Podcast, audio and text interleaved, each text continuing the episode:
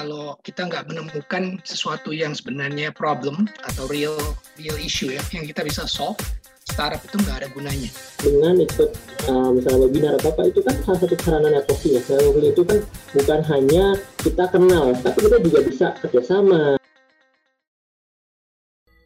Selamat siang dan selamat datang di Tehminar by Kren. Ya, saya Sheila, moderator untuk Tehminar hari ini yang sekaligus mewakili Kren Indonesia. Dan kali ini, Kren melaksanakan Tehminar bertemakan Challenge to Build a Startup. Startup merupakan suatu perusahaan ataupun bisnis yang baru saja dibentuk. Jadi masih dalam fase pengembangan atau penelitian untuk meningkatkan kualitas produk ataupun jasa yang dijual ya. Membangun bisnis baru merupakan impian semua orang karena untuk menjadi pegawai dan bos dalam suatu waktu sangat langka ya bisa dimiliki oleh setiap orang. Namun tantangan dan rintangan itu selalu aja datang ketika kita ingin memulai sebuah bisnis. Nah, kira-kira seperti apa sih respon yang harusnya kita hadapi? Tentunya kita akan bahas tuntas ya bersama dengan panelis yang hari ini sudah bergabung bersama dengan kita semua, teman-teman. Senang sekali ya sudah hadir. Kita akan menyapa terlebih dahulu di sini yang pertama ada Pak Mujianto Rusman selaku co-founder dan CEO dari Digi Media Technology atau Imuji. Oke, kita langsung menyapa lagi ini panelis kita yang kedua gitu ya. Ada Mas Hiro ya panjangannya nama panjangnya nih Mas Hironimus nih ya marketing manager dari Kumpul Oke, tanpa berlama-lama lagi teman-teman kita mau langsung saja masuk ke sesi panelis yang pertama ya. Saya akan mengundang Pak Mujianto. Langsung saja kita panggil ini dia Pak Muji, co-founder and CEO Digimedia Technology. Silakan Pak Muji bisa langsung sharing. Salam sejahtera untuk semua. Semoga eh, teman-teman uh, juga sehat-sehat. Nah, jadi untuk the next uh, eh, 15 menit uh, mendatang, saya coba sharing dikit uh, apa itu Imuji uh, dan juga apa tantangan yang kita hadapin. Jadi tahun 2014 terakhir saya uh, uh, mulai pulang pergi dari uh, US ke Indonesia untuk membangun startup. Jadi Imuji startup saya yang kedua. Nah, jadi kenapa saya membuat Imuji? Jadi saya kasih sharing dikit background uh, alasan utamanya sebenarnya karena saya ingin uh, pertama-tama ingin balik Indo untuk lebih dekat ke keluarga. Nah, passion saya di bidang uh, teknologi multimedia. Jadi anything related to uh, audio and video gitu ya. Nah, jadi waktu itu saya juga melihat ada opportunity di marketnya. Kalau kita nggak menemukan sesuatu yang sebenarnya problem atau real real issue ya, yang kita bisa solve, startup itu nggak ada gunanya. Nah, jadi yang saya lihat ini tantangan market yang ada jadi Imuji kita dirikan tahun 2016. Waktu itu tantangannya adalah gimana caranya membantu uh, berjualan secara online selain uh, berjualan lewat sosial media. Nah, dengan adanya COVID, uh, beberapa tantangan tersebut sudah shifting dan mulai berubah. Ya. Jadi tantangannya adalah sebenarnya dengan adanya COVID ataupun lockdown, cara berjualan kuno atau berjualan secara tradisional ya, itu sudah bisa dibilang tidak bisa kita lakukan. Ya. Nah, sejak adanya COVID kita juga perhatikan makin banyak yang mulai balik ke kalau zaman dulu kita sharing uh, sosial medianya fokus, sekarang perusahaan besar pun mulai membagikan brosur ya, digital brosur lewat uh, WhatsApp ya. Nah, namun uh, solusi-solusi digital yang ada saat itu uh, atau saat ini itu juga bisa dibilang kurang efektif ya. Nah, dari sana kita mulai um, cetuskan uh, so, salah satu solusi yang bisa membantu bisnis teman-teman ya. Jadi Emoji uh, adalah um, sebenarnya software as a service, ya, website yang bisa digunakan untuk mem membuat brosur ataupun undangan digital yang uh, keunggulan utamanya adalah interaktiviti uh, interaktivitinya dengan mudah uh, dan juga ada yang bebas biaya. Nah, kita ada empat pilar uh, keunggulan kenapa Imuji uh, bisa membantu. Jadi pertama adalah biayanya lebih ekonomis. Ya. Jadi kita bandingkan dengan brosur cetak, dengan um, dengan sarana digital yang lain, uh, kita menawarkan solusi Muji yang completely free. ROI dapat diukur dengan mudah karena daily view-nya dapat Anda ukur. Jadi seperti solusi digital yang lain ya, berapa viewernya hari ini dilihat berapa kali itu bisa di, bisa dilihat. Uh, namun keunggulan utama adalah fitur call to action. Jadi setelah melihat, misalnya ini contohnya adalah newsletter dari Kren, setelah baca apa sih beritanya yang perlu kita um, uh, simak Setelah itu bisa langsung mungkin menghubungin atau reservasi ataupun membeli ya. Jadi uh, apa pun yang ditawarkan atau di uh, di share itu dapat langsung diaktifkan oleh end user. Nah ini uh, sekilas ada saya saya cuma bahas dua macam kegunaan utama dari emoji. Jadi gunanya sebenarnya banget ya. Um, tapi uh, ada dua kategori yang paling populer dipakai. Itu adalah yang pertama digunakan sebagai event invitation. Ya. Event bisa personal ataupun uh, profesional. Eventnya tentunya uh, bisa dipakai seperti contoh di sini adalah uh, untuk event uh, profesional. Jadi dipakai untuk pendaftaran atau promosi uh, acara uh, yang on top gitu ya. Nah dari beberapa screenshot ini teman-teman bisa lihat, uh, ntar saya bisa tunjukkan uh, hasilnya bisa nyambung ke YouTube untuk melihat preview ya, bisa ngeklik ke tombol WhatsApp untuk chatting dengan admin ataupun mau beli tiket juga bisa langsung seperti itu. Nah, kegunaan kedua ini yang lebih um, banyak digunakan oleh UMKM adalah digunakan sebagai brosur digital. Nah, tantangan terbesar buat kami uh, tentunya apalagi dalam dua tahun terakhir ini adalah gimana caranya kita bisa merubah um, cara kita beroperasi jadi sejak adanya COVID um, awal tahun 2020, tantangan terbesar bagi kami adalah gimana caranya kita bisa menghilangkan atau mengurangi um, secara drastis our OPEX, ya. jadi operating expenses. Operating expenses kita karena kita teknologi baru dan juga bisa dibilang uh, pemain baru di market, kita membutuhkan um, banyak sales team dan juga full time designer untuk mengedukasi customer-customer kita. Nah, yang kedua, karena kita startup, engineering resource selalu terbatas. Ya. Yang ketiga adalah cara kita mengedukasi market. Nah, solusinya apa? Gitu ya. Jadi yang pertama, tahun 2019, 2020 eh, tentunya shock. Kita semua uh, kaget, klien nggak ada yang mau meeting, semuanya pada lockdown. Jadi kita segera berubah. Jadi semuanya eh, rata-rata uh, bekerja di di home ya, home office semua. Jadi kita udah langsung bisa dibilang saving dari uh, biaya office. Nah, yang kedua, uh, tim sales dan marketing kita kita train supaya mereka lebih efektif. Mereka tentunya sekarang sudah jago menggunakan uh, Zoom dan juga uh, uh, online meeting dan lain-lain ya.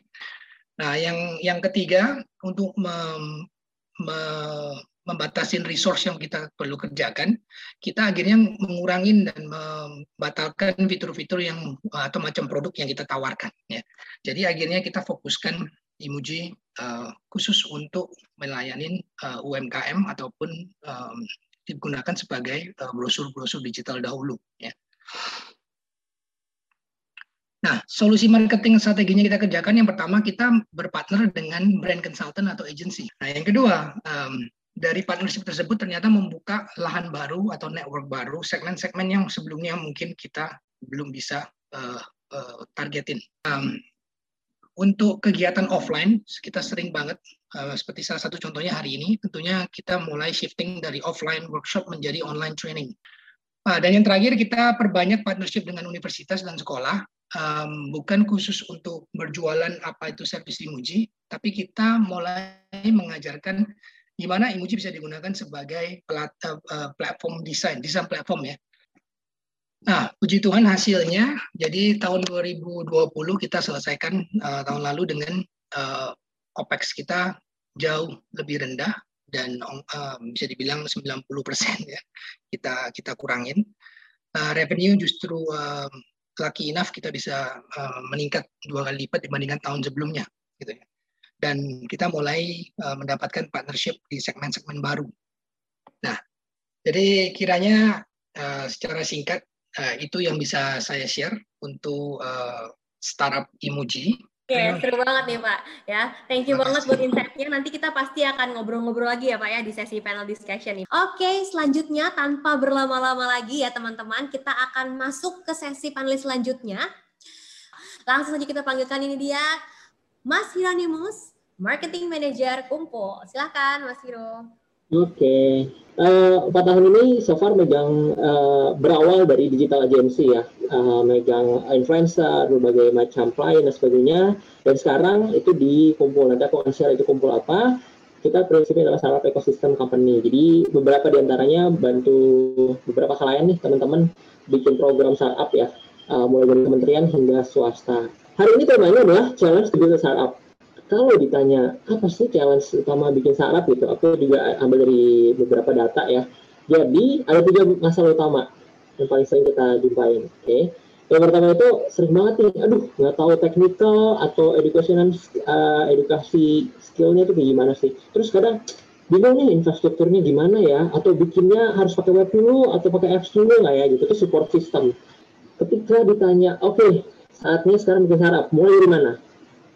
Ada banyak cara sebenarnya, banyak banget yang bisa dilakukan, tapi teman-teman harus fokus di empat ini. Yang pertama networking service. Jadi dengan ikut ini, dengan ikut uh, misalnya webinar atau apa itu kan salah satu sarana networking ya. Networking itu kan bukan hanya kita kenal, tapi kita juga bisa kerjasama, kita bisa juga uh, masuk ke dalam misalnya dia punya kantor atau organisasi, kita juga bisa share apa kuncinya apa kuncinya share value teman-teman yang kedua kita support sering kali ditanya aduh pengen bikin apa pun ya ini bisa startup bisa bisnis apa ya modalnya ya gimana ya cara dapat modalnya selalu aja berputar dengan modal modal modal padahal menurut aku dan ini juga aku modal itu nggak cuma uang teman-teman jadi modal itu menurut aku dibagi, dibagi tiga adalah waktu, tenaga, dan uang itu sendiri. Yang berikut adalah government regulation. Nah ini sering kali ngaruh nih. Jadi kayak apa pun yang pemerintah lakukan untuk bantu UMKM, sarap itu ngaruh banget.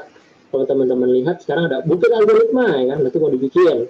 Terus di BSD juga tuh lagi dikembangin uh, segala macam. Jadi ini momentum teman-teman. Kalau teman-teman lihat, jadi di Indonesia kan banyak banget ya. Aku mau bilang bahwa nggak semua dari kita akan jadi bisnis sih pada akhirnya. It's okay. Memang ada yang harus jadi uh, kantoran aja dan sebagainya. Tapi kalau teman-teman ngerasa oke, okay, kayaknya aku pengen eksplor sesuatu deh, pengen lebih jauh deh, pengen udah dan udah ngeliat nih, ih pemerintah udah bikin bikin algoritma kayak Silicon Valley, pemerintah udah uh, bikin program-program kegiatan tentang saraf, why not gitu? Ini kan bikin saraf itu kan nggak cuma uh, apa kita bikin untuk jangka pendek, tapi kan bisa untuk jangka panjang dan sebagainya gitu. Dan yang terakhir adalah uh, training program. Nah ini yang aku mau share sering kali bingung mau mulai bikin sarap itu dari mana ataupun mentornya gimana. Nah, aku senang untuk berbagi kalau teman-teman bisa ikut berbagai macam webinar ya, mungkin salah satunya ini ataupun training-training program lain yang bisa kalian ikutin.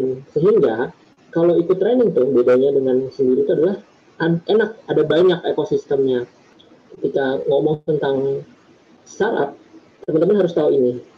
Jadi aku mau kenalin namanya sarap ekosistem. Jadi kalau ibarat kata kenal gitu ya, kalau ibarat kata dulu istilahnya apa PDKT itu harus tahu dulu nih ekosistem sarap tuh kayak gimana sih atau apa aja sih yang ada dalam sarap ekosistem ya. Jadi ini teman-teman harus tahu. Pertama itu ada kita kita harus pungkir, nggak bisa pungkir ya. Jadi global partners itu uh, ini yang kumpul punya, tapi ini akan aku jelasin secara umum gitu. Jadi kita tuh punya global partners. Global partners ini yang memang mereka tuh lebih dahulu untuk bikin kegiatan-kegiatan uh, beberapa di antaranya dari Amerika dan Google gitu ya. Nah terus ada yang namanya asosiasi nih teman-teman. Nah kalau teman-teman melihat asosiasi itu adalah mereka-mereka yang punya uh, baik itu lembaga mau NGO ataupun tidak yang memang fokusnya itu di salah satu uh, bidang tertentu terus government government itu sih senang banget tahu untuk mereka ngasih pelatihan university nah mungkin kalau aku nggak salah dengar kan tadi banyak yang tentang mahasiswa coba deh abis ini cari di bagian universitasnya yang uh, tentang startup jadi itu ada juga biasanya itu bekerja sama dengan uh, Dikti ataupun uh, Kementerian Ristek Dikti ya mereka tuh rata-rata punya gitu ya jadi kegiatan-kegiatan yang berhubungan dengan startup gitu Nah, baru deh kita ngomongin venture capital. Inilah yang disebutnya yang bisa kasih kita modal, bisa kasih kita akses dan sebagainya. Nah, kunci dari ini adalah network. Makanya aku mau bilang, sering-sering lah. Ini apalagi online ya, bisa banget sekarang mau virtual ke Bali kayak mau virtual ke uh, New York itu sekarang kan ada ya aplikasinya ya, atau kita bisa ikut virtual. Nah, manfaatin juga nih buat ikutan kegiatan ataupun ikutan uh, event yang berhubungan dengan startup ketika ditanya bisa nggak kita bikin startup uh, dari awal gitu bisa ada nggak programnya? Um, ada. Saking banyaknya aku pengen nge beberapa aja karena ini uh, kita yang kerjain juga dan akan dibuka uh, sedang dibuka juga. Jadi di sini teman boleh share, boleh capture, boleh masuk ke sini, id. Ada program tiga bulan startup yang nanti teman-teman tuh bisa dapat webinar, workshop, sesi mentoring one on one yang kita bagi jadi tiga create, accelerate, financial art. Create itu buat yang awal banget nih, buat yang baru punya startup itu bisa ikutan. Jadi jangan lupa untuk ikut uh, backup kemenparekraf.id biar teman-teman bisa tahu uh, bikin startup mulai dari nol atau bisa ikut jadi mentor ya yang disusun untuk teman-teman jadi mentor di ekosistemnya masing-masing. Dan aku punya yang uh, satu lagi nih. Jadi ketika ngomongin uh, saat nggak cukup menurut aku cuma kayak satu jam 15 menit uh, sekali datang selesai gitu. Kalau aku akan sangat merekomendasikan untuk teman-teman minimal punya waktu sendiri untuk cobain deh. Kayaknya sehari 15 menit aja atau satu menit dulu deh. Tapi setiap hari konsisten nyari tentang startup gitu. Mau dari YouTube mau dari uh, buku dan sebagainya. Tapi konsisten dulu untuk apa sih itu dunia startup apa sih yang harus dikerjain. Ini kan tantangan banget ya untuk sekarang tuh.